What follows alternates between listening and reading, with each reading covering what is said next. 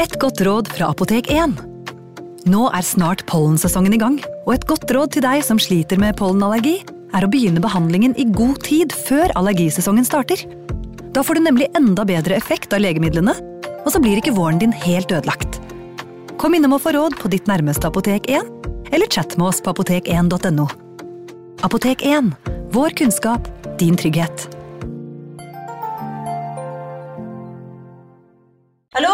Jeg kommer fra Oslo politikammer. Ine Jansen er purk. Er du purk? The motherfucking bitch. Alt jeg vil, er å finne ut hva som skjedde med mannen min. Jon Carew. Er jeg sikta for noe? Iben Akeli. Det er du. Ole So, Lars Berrum og Big Daddy Karsten. Hvem sin side er du på, egentlig? Anette Hoff, Tone Danielsen, Kommer du fra Afrika? Jørnis Josef, Nesten kløfta. Trond Espen Seim, Det er synd å si det, men det var feil mann som døde. Purk. Premiere tirsdag på TV2 Play. Ungsamtalen fra DNB er økonomisk veiledning tilpasset deg som er ung. Bokk en ungsamtale på dnb.no. slash ung. Det er kjempebra hvis du skal inn på boligmarkedet, hvis det er drømmen din, liksom. Det er det du skulle sagt. Og så kunne du ropt litt mer, da, sånn som jeg gjorde. Bam! Advarsel. Denne podkasten inneholder skildringer av ekte drap og kriminalsaker som kan være støtende for enkelte. Det advares også mot sterke inntrykk i deler av episoden. Det er endelig fredag og klart for en ny episode av True Crime Podden.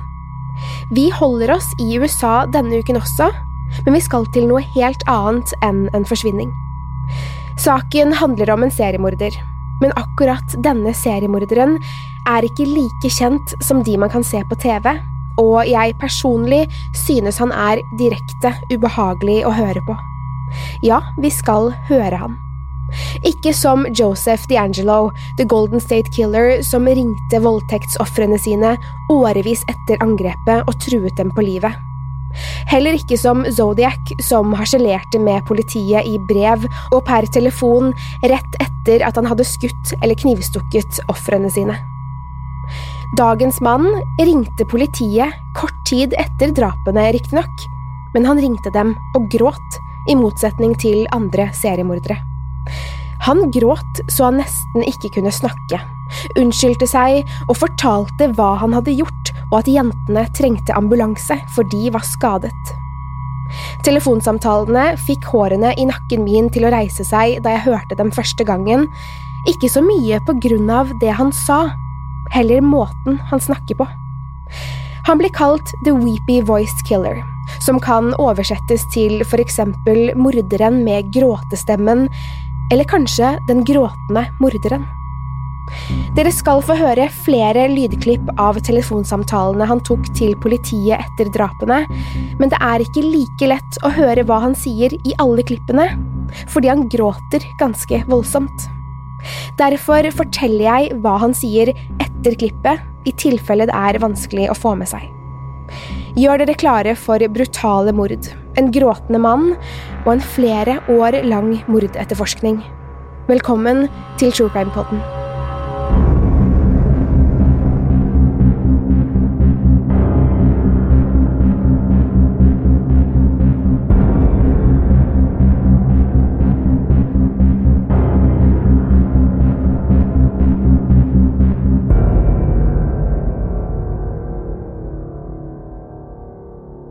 Nyttårsaften 1980, St. Paul, Minnesota. 20 år gamle Karen Potak feirer årets siste kveld med noen venner. Hun er på en bar, der flere studenter fra samme universitet pleier å være. Karen er nettopp ferdig med enda et semester på universitetet og har feiret jul med familien. Nå er hun tilbake og koser seg med dansing, latter, champagne og gode venninner, før skolen snart skal starte igjen. Da klokken slår midnatt, skåler hun med de andre. De snakker om nyttårsforsetter, forventninger til det nye året. Karen kan avsløre at hun har store planer. Hun vil ta flere fag og prøve å skaffe seg en jobb som er relevant for studiene.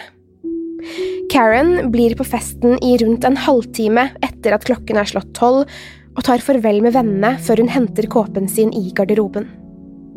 Karen har bestemt seg for å gå hjem, for selv om det er kaldt, liker hun å få frisk luft. Det er heller ikke noe poeng i å prøve å få tak i drosje, alt pleier å være fullbooket på denne tiden uansett. Karen vinker til vennene en siste gang og går ut av baren. Det snør lett, og hun kan høre andre ungdommer le og synge i det fjerne. Akkurat hvilken vei Karen tar, eller hva som skjer etter at hun går hjemover og hører andre nyttårsfester i leiligheter og bare rundt henne, er vanskelig å vite. Noen timer senere, i tretiden på natten, får politiet i St. Paul en telefonsamtale til operasjonssentralen. En meget opprørt person ringer. Det er ikke lett å høre om det er en dame eller mann i starten, for personen i den andre enden gråter. Yes, please, this is an emergency. Please send a squad to Pierce Butler Road, uh, Molenberg Manufacturing Company, machine shop. Please, there's an ambulance too. There's a girl hurt there. Can you tell me what happened to her? Just hurry, there's a, she's laying on the ground in the back by the by the railroad tracks by the engine. Hurry. What, what's the address? I don't know. Who are you? Hello? Det er en mann som ringer, selv om den skingrende stemmen kan minne om en kvinnes. Han sier at en jente er skadet, og at det er et nødstilfelle. Han spør etter både ambulanse og politiet, for jenta ligger skadet på bakken. Mannen sier ikke noe om hans rolle i situasjonen, så politiet tror først at mannen er et vitne som desperat prøver å hjelpe. Han forklarer at jenta ligger ved togskinnene bak en fabrikk, men da operatøren spør hvem innringeren er, brytes samtalen. Politiet tar ingen sjanser selv om tulleringing er et problem, og reiser med full utrykning til stedet der den skadde jenta skal ligge. Det tar ikke mange minuttene før de finner henne, liggende naken i snøen. Hun ligger, som innringeren forklarte, ved togskinnene i en slags grøftekant. Jenta er ugjenkjennelig, hun er kraftig forslått, og skallen hennes er sprukket opp. Hun er blødd kraftig, og det siver fortsatt litt blod fra sårene og kuttene hennes. Ambulansearbeiderne løper mot stedet der hun ligger, og setter i gang med å stabilisere henne, for jenta har fortsatt puls. Hun lever så vidt. Jenta er Karen Potak, og hun svever mellom liv og død i flere dager, før hun endelig våkner. Hun har overlevd et brutalt overfall, og politiet er veldig interessert i å snakke med henne så snart legene gir dem lov. Legene forklarer at Karen har fått alvorlige hodeskader og vil sannsynligvis slite med hukommelsestap. Karen avhøres av politiet, men har ingen anelse om hva som har skjedd henne. Politiet forteller at hun ble angrepet og overfalt, og Karen blir redd. Hun husker ingenting av det som skjedde. Det siste hun husker, er at hun gikk ut fra baren, hørte noen le, og at det var flere nyttårsfester i gatene rundt, og så ble alt svart. Det er nesten tre timer hun ikke husker, og legene mener det er vanskelig å anslå akkurat når hun ble angrepet. Politiet vet heller ikke hvor hun gikk, om hun kan ha blitt kidnappet, mishandlet og dumpet ved togskinnene bak stasjonen, eller om hun kom seg dit på egen hånd. Karen var naken da hun ble funnet, og klærne hennes er borte. Hun var ikke full da hun gikk hjemover, og det er lite trolig at Karen selv har kledd av seg midt på vinteren. Karen får panikkangst og kompleks posttraumatisk stresslidelse etter overfallet og tar en pause fra studiene og universitetet i en lang periode. Hun er redd for at noen er etter henne. Hun reagerer på høye lyder og tør ikke å være ute når det snør eller er snø på bakken. Foreldrene beskriver henne som en skygge av seg selv, og at hun aldri ble den samme igjen etter det som skjedde. St. Paul, Minnesota, den 3. juni 1981. En mann ringer gråtende til operasjonssentralen. Oh, you, you me? I just stabbed somebody with a knife stick. I can't stop myself. I keep killing somebody. Hello? Are you there? Denne gangen virker han sint, i tillegg til opprørt. Han spør politiet hvorfor de ikke har funnet ham enda. Han sier at han har stukket enda en med ishakke, og at han ikke klarte å la være. Han virker fortvilet over det han har gjort. Det går et par sekunder, og linjen er stille. Operatøren spør om han fortsatt er der, men linjen er brutt. Både politi og ambulanse rykker ut til stedet der telefonsamtalen kom fra, og ganske riktig finner de en livløs kvinne på bakken. Hun ligger på magen med ansiktet ned. Jenta har på seg denimshorts, sandaler og en rød bomberjakke. Ambulansearbeiderne finner ingen puls på jenta, og når de snur henne, ser de at hun er alvorlig skadet. Hun har mistet store mengder blod, og en lege erklærer jenta død på stedet. Det er så mye blod, både på henne og i gresset rundt, og åstedet sperres av. Jenta sendes til obduksjon. Hun har dype hull over hele kroppen, i alt 61 stykker. Hullene kan stemme med det innringeren fortalte, mordvåpenet er trolig en ishakke. Politiet vet ikke hvem den døde jenta er, hun har ingen identifikasjonspapirer på seg, og fingeravtrykkene hennes matcher ingen i registeret. Hun ser veldig ung ut, kanskje i midten eller slutten av tenårene, med brunt hår og brune øyne. Ingen jenter med hennes beskrivelse er meldt savnet, og identiteten hennes forblir et mysterium i noen dager, helt til en tekniker som skal analysere klærne hennes, finner en papirlapp i bukselommen. Det er ikke lett å se hva som står på lappen, den er tilsølt med blod, og skriften er utydelig. Lappen minner om en billett til enten buss eller tog, tror de, og etter litt prøving og feiling finner teknikerne et nummer på lappen. Nummeret viser seg å være et unikt kvitteringsnummer som busselskapet Greyhound bruker på sine billetter. To etterforskere reiser til St. Paul busstasjon, og der har de enda mer flaks. Bussbilletten ble solgt til en ung kvinne med brunt hår, samme beskrivelse som den ukjente drepte kvinnen. Det viser seg at kvinnen hadde leid et skap på stasjonen. Slike skap brukes vanligvis til å oppbevare eksempelvis bagasje, og det er nettopp det kvinnen har gjort. En ansatt i Greyhound busselskap bryter opp skapet med nummer 750 foran etterforskerne, og der kommer en stor veske og et slags nett til syne. Etterforskerne finner lommeboken til kvinnen, og det viser seg at den døde er 18 år gamle Kimberly Compton. Hun hadde nettopp blitt uteksaminert fra videregående skole og tatt bussen fra en liten by i Wisconsin til St. Paul i Minnesota. Kim ville flytte til St. Paul og starte et nytt liv, hun drømte om å skaffe seg jobb og få fart på voksenlivet på ordentlig. Kim hadde kommet til byen samme dag som hun ble drept.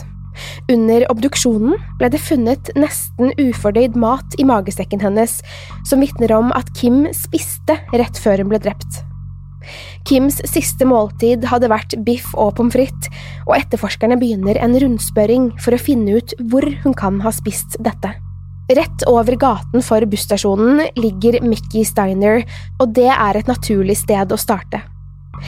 Det viser seg at dagens middag, den 3. juni, altså dagen Kimberly ble drept, var biff og pommes frites. Det hadde gått noen dager siden Kim hadde spist der, men en servitrise husker at en ung kvinne hadde spist middag alene. Dessverre kunne hun ikke huske om kvinnen hadde møtt noen eller snakket med noen mens hun var der, heller ikke når hun dro, og om hun dro med noen. Teorien politiet jobber ut fra, er den at Kim gikk av bussen i St. Paul, leide skapet, låste inn sakene sine og gikk over veien for å spise. Hun må ha møtt morderen enten på Mickey Steiner eller utenfor da hun var på vei tilbake til busstasjonen for å hente tingene sine. Både Kims familie og venner var helt sikre på at Kim ikke kjente noen i St. Paul. Politiet har ingen anelse om hvem som drepte henne, men mistenker at det er den gråtende mannen som ringte operasjonssentralen. Den teorien styrkes noen dager senere, den 11. juni, etter at mordet på Kim har fått store oppslag i avisene og på nyhetssendinger. Igjen ringer mannen til operasjonssentralen, og denne gangen sier han de ordene han er aller mest kjent for, Don't talk, just listen, Don't talk, just listen. I'm sorry what I did to Compton. I couldn't help it. don't know why I had to stab her. I am so upset about it. I keep getting drunk every night. I can't believe it's just like a big dream. I can't think of being locked up. If I get locked up, I'll kill myself. I'd rather kill myself to get locked up. I'll try not to kill anybody else. I denne telefonsamtalen er han mye roligere enn vanlig. Han snakker lavere, men uttrykker at han er like fortvilet over drapet som tidligere. Han sier at han er lei seg for det han gjorde mot Compton, altså Kim, og aner ikke hvorfor han gjorde det. Han fortsetter med at han ikke orker tanken på å havne i fengsel, han sier at han vil ta livet av seg hvis han må dit. Mannen fortsetter med at han drikker seg full hver kveld, og at han ikke vet hva som går av han. Før han legger på, lover mannen å prøve å ikke drepe flere. Politiet publiserer deler av dette klippet og deler av samtalen fra før Kim ble funnet, og dermed får morderen kallenavnet The Weepy Voice Killer. Selv om telefonsamtalene offentliggjøres, kommer det ingen tips som oppklarer saken inn, og etter flere måneder trappes etterforskningen ned. 6. august 1982, Minneapolis, Minnesota. Mer enn et år etter mordet på Kimberley Compton blir liket av en kvinne funnet i en skrent langs Mississippi-elven, en av elvene som deler eller omkranser de såkalte Twin Cities, St. Paul og Minneapolis. Det ser ut som om kvinnen er forsøkt kastet ned skrenten i håp om at hun skulle rulle ned i vannet, men liket ble stoppet av høyt gress, busker og små trær. Kvinnen har identifikasjonspapirer i vesken og viser seg å være den 40 år gamle sykepleieren Barbara Simons. Hun ligger på ryggen med armene opp som i bokserposisjon og er knivstukket mange ganger. Brillene hennes ligger i samme område, de er knust. Med en gang tenker ikke politiet at dette er den gråtende morderens verk, for ingen telefonsamtale har kommet inn, og offeret er betydelig eldre enn de to andre, Karen og Kimberley. Politiet tar feil, for to dager etter at Barbara blir funnet, ringer telefonen igjen. Please don't talk, just listen. I'm sorry I killed that girl. I stabbed her 40 times. Kimberly Compton was the first one over at St. Paul. I don't know what's the matter with me. I'm sick. I'm gonna kill myself, I think. Where are you? I'm just gonna, I, if somebody dies with a red kid on, it's me. I killed both of you. I'm sorry. Også denne gangen starter han med Don't Talk, Just Listen og sier at han er lei seg for å ha drept jenta, altså Barbara. Jeg knivstakk henne over 40 ganger, sier han, og legger til at han ikke vet hva som er galt med han. Hvis noen med en rød overdel blir drept, er det meg, fortsetter han og sier at han skal drepe seg selv. Damen i den andre enden spør hvor han er, og sier at han skal roe seg ned, men mannen utbryter at han aldri kommer til himmelen. Deretter blir samtalen avbrutt. Han snakker også om at Kimberly Compton var den første i St. Paul, men mener nok at Kim var den første han drepte i St. Paul, for Karen Potak fra nyttårsaften 1980 overlevde jo. Etter drapet på Barbara leter politiet etter en seriemorder, og han har selv avslørt en detalj. Alle ofrene hadde på seg noe rødt, en detalj de ikke hadde tenkt på før. Barbara hadde vært ute og danset den kvelden hun ble drept. Hun var en hardtarbeidende kvinne og gikk en sjelden gang ut for å slappe av og bare være seg selv. Ifølge bartenderen, som hadde sett Barbara et par ganger før, var hun i godt humør den kvelden. Hun hadde drukket øl og cocktails og snakket med noen menn her og der. En mann hadde kjøpt en øl til henne, og Barbara hadde tilbudt ham en sigarett. De hadde smilt og ledd sammen og danset litt, da Barbara var i baren en siste gang før hun dro, hadde hun sagt til bartenderen Han er ganske søt, håper han er snill, han skal nemlig kjøre meg hjem. Det var siste gangen Barbara ble sett i live, og politiet er derfor veldig interessert i å komme i kontakt med mannen som skulle kjøre henne hjem. Bartenderen beskriver han som en hvit mann i midten av 30-årene, med brunt hår, litt tynt på toppen og bart. Normal kroppsbygning, verken muskuløs eller veldig slank. Bartenderen mente han så veldig vanlig ut. Det er ikke en lett oppgave for politiet, det å finne en mann i midten av 30-årene som ser helt vanlig ut, har brunt hår og bart. Mange i St. Paul og Minneapolis så slik ut på begynnelsen av 80-tallet. Til tross for dette går politietterforskerne gjennom hele mappen med bilder av menn som har blitt lagt inn i deres registre, i hovedsak menn som tidligere har vært arrestert. Noen av dem var menn med psykiske lidelser som ble sett på som farlige. I registeret til St. Pauls politistasjon er det 169 menn som passer til beskrivelsen bartenderen oppga. Etterforskerne går grundig gjennom alle. Noen av dem er døde, andre sitter fengslet, og noen kan passe til signalementet de leter etter.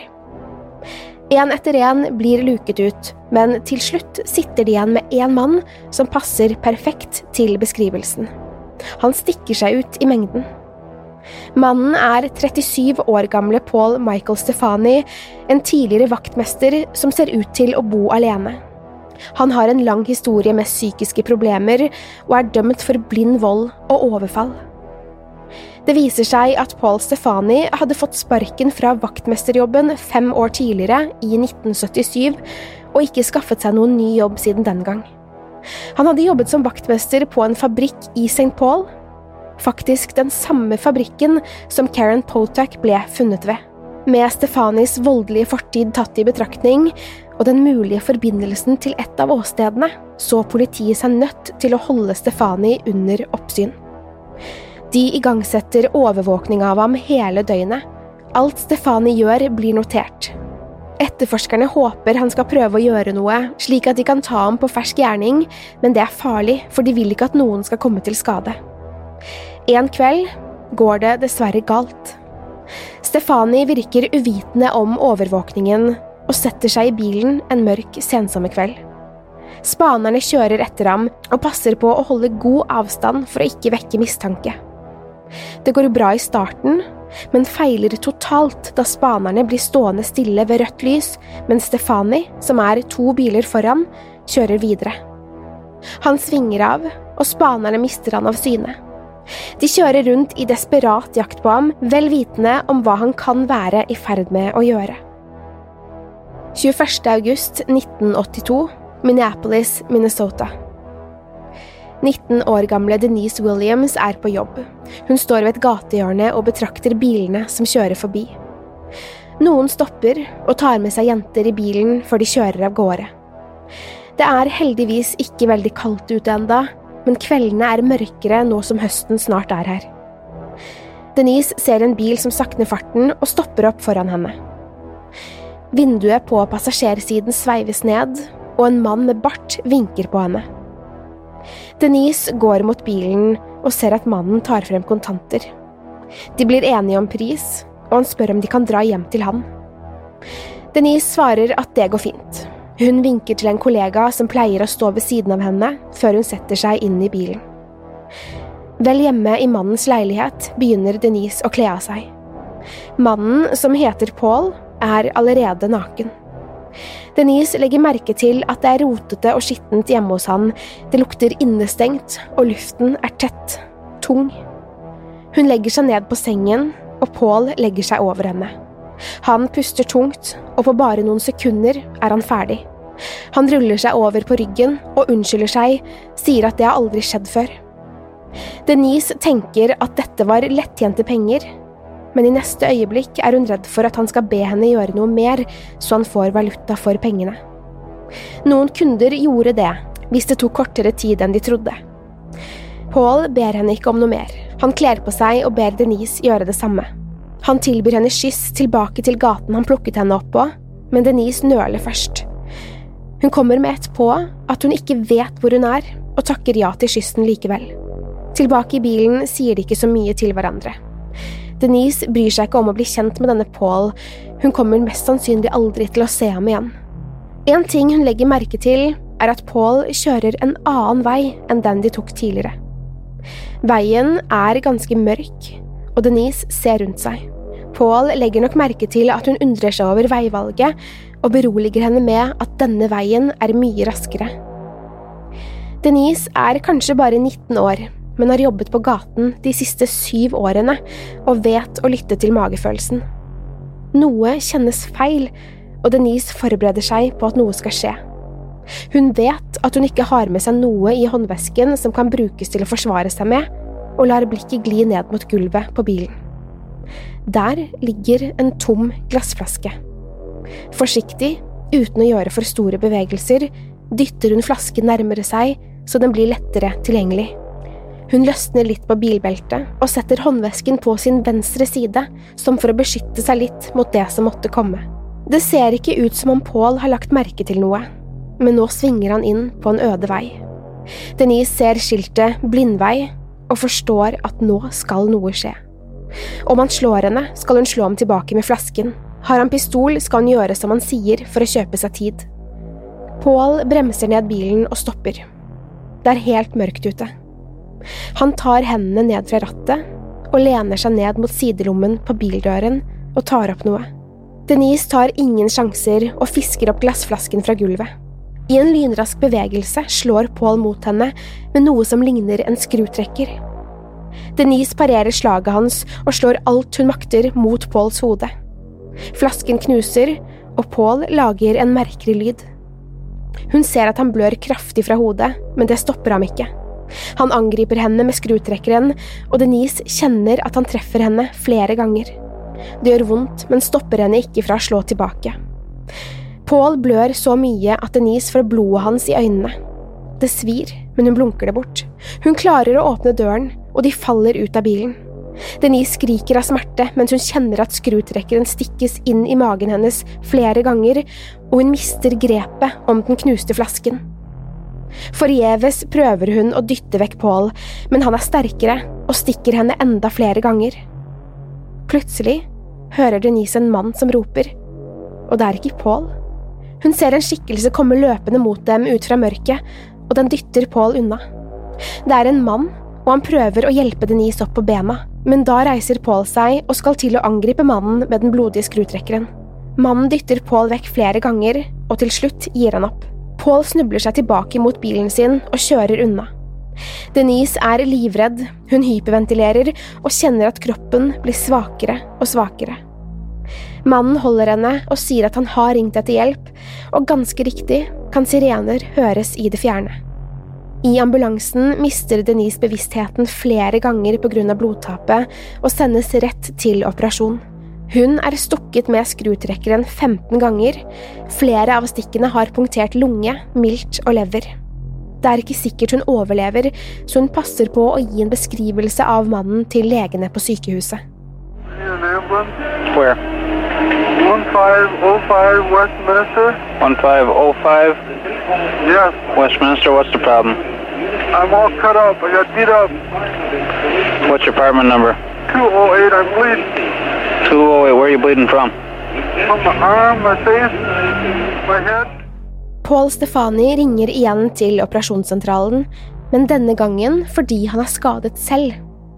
I klippet sier han at han er blitt banket opp og at han blør kraftig. Operatøren spør hvor han er, og Paul oppgir en adresse. 1505 Westminster, leilighet 208. Han hentes av ambulanse og kjøres tilfeldigvis til samme sykehus som Denise behandles på. Politiet forstår sammenhengen mellom angrepet på Denise, den blødende Paul Stefani og spanerne som mistet ham av syne.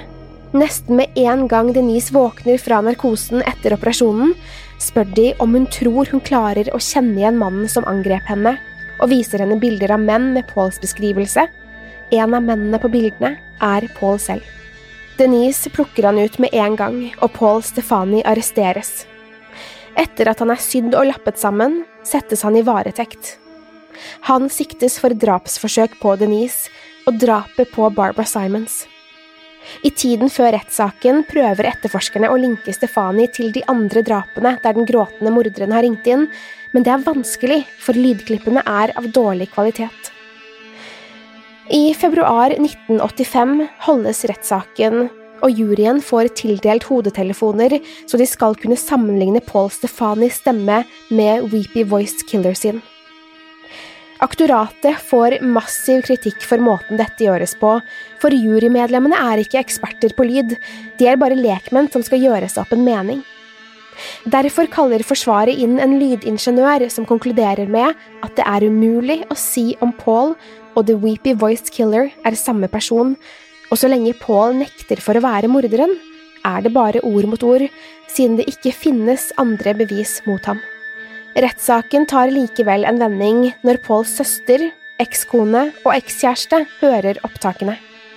Søsteren sitter i rettssalen helt hvit i ansiktet mens hun hører The Weepy Voiced Killer. Hun legger ned høretelefonene og bøyer hodet mens hun gråter. Det er broren min på opptakene, sier hun stille. Ekskona og ekskjæresten er også helt sikre på at det er Paul. Han dømmes likevel ikke for drapsforsøket og drapet på Karen og Kimberley, for juryen mener at det ikke finnes nok bevis. Paul Stefani får fortsatt 40 års fengsel for drapet på Barbara Simons og drapsforsøket på Denise Williams. Detaljene fra kvelden Denise ble angrepet, er de hun selv har fortalt i retten og i senere intervjuer. Politistasjonen i St. Paul, Minnesota, 1997. Telefonen ringer. Det er fra Oak Park Heights fengsel. En innsatt, Paul Michael Stefani, ønsker å snakke med politiet angående noen uløste saker. Etterforskerne som jobbet med Weepy Voiced-saken mer enn tolv år tidligere, er forbløffet og håper Paul vil tilstå etter alle disse årene. Det viser seg at Stefani har fått en alvorlig kreftdiagnose. Han har bare noen måneder igjen å leve, og han ønsker å tilstå for å lette på samvittigheten. Paul er veldig opptatt av å komme til himmelen, og forteller flere ganger at Gud har tilgitt hans synder. Paul Stefani innrømmer begge sakene politiet mistenkte han for, både drapsforsøket på Karen og drapet på Kimberley. Han hadde sett Karen gå langs veien den nyttårsaften og tilbudt å kjøre henne hjem. Iskald som Karen var, hadde hun takket ja. Han stoppet bilen etter kort tid og unnskyldte seg med at han måtte hente noe i bagasjerommet for å fjerne is fra frontruten. I stedet henter han et brekkjern og angriper Karen med det. Han mener han slo henne mellom 20 og 30 ganger. Etter ca. ti slag husker han at han tenkte på hvor vondt det måtte gjøre å bli slått med brekkjern. Men han stopper ikke, og han dumper henne ved togskinnene. Paul Stefani gråter mens han forteller om Karen, og det går kaldt nedover ryggen på etterforskerne når de hører den skingrende og gråtende stemmen hans. Han fortsetter å fortelle, denne gangen om drapet på Kimberley. Han hadde sett henne på Mickey Steiner og gått bort til henne. De hadde pratet litt, og Paul tilbød seg å vise henne byen siden hun var ny der. Kim takket ja, og Paul tok en omvei slik at han kom inn på et øde område. Ifølge Paul selv skal de ha kysset og gått ut av bilen og lagt seg i gresset. Han skal ha tatt på brystene hennes under blusen og kneppet opp skjorten hennes, deretter tatt frem kniven og stukket henne gjentatte ganger til hun sluttet å kjempe imot. Politiet tror ikke på at en 18-åring frivillig ville ha blitt med Paul ut av bilen på den måten han beskriver, men Paul står på sitt. Han sier at det å drepe kom så naturlig for ham, og at det er politiets feil at de ikke klarte å ta ham tidligere. Før de avslutter, kommer Paul med enda en bombe. Han tilstår et annet drap. Vinteren 1980 hadde Paul vært på besøk hos en kvinne som het Kathleen Greening, som bodde utenfor St. Paul. Han hadde kvalt henne i badekaret mens hun badet en kveld, og saken hadde vært uløst i 17 år. Opplysningene Paul kommer med, stemmer. Det viser seg at Kathleens telefonbok hadde en Paul S. punktum i listen sin med et telefonnummer skrevet ned. Det telefonnummeret er det samme som Paul oppga da han hadde blitt arrestert for overfall noen år før han drepte henne. Enda en sak løst, og straffen hans forlenges til 58 år i fengsel, selv om han bare har noen måneder igjen å leve. Den 12. juni 1998 dør Paul Stefani av kreft i fengselet, 53 år gammel. Ordene Don't talk, just listen er blitt Paul Stefanis mest kjente frase, i tillegg til den gråtende stemmen hans. Hvorfor han ringte, ga han aldri noen ordentlig forklaring på. Vi i True Crime Podden trekker oss tilbake for denne gangen. Dersom du liker denne podkasten, gi oss gjerne fem stjerner i iTunes. True Crime Podden er produsert av moderne media. Mitt navn er Pernille Tufte Radeid, og jeg vil takke Håkon Bråten for produksjon, lyd og musikk. Til neste gang, pass på deg selv, og takk for at du har hørt på True Crime Podden.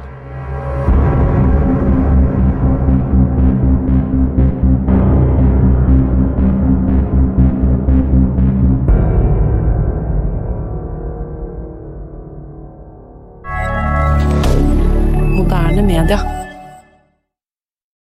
Har du et enkeltpersonforetak eller en liten bedrift? Da er du sikkert lei av å høre meg snakke om hvor enkelt det er med kvitteringer og bilag i fiken, så vi eh, gir oss her, vi. Fordi vi liker enkelt. Fiken superenkelt regnskap. Hei! Takk for at du lytter til True Crime Podden. Skulle du ønske at du kunne høre en ny episode av denne podkasten hver eneste uke? Vel, da er det bare å laste ned podkastappen Untold med en gang. I tillegg til ukentlige episoder av podkaster som Skrekkpodden, Synderne og Henrettelsespodden, får du masse annet reklamefritt og eksklusivt innhold. Last ned Untold i AppStore eller Google Play, og start din 30 dagers prøveperiode i dag. Untold.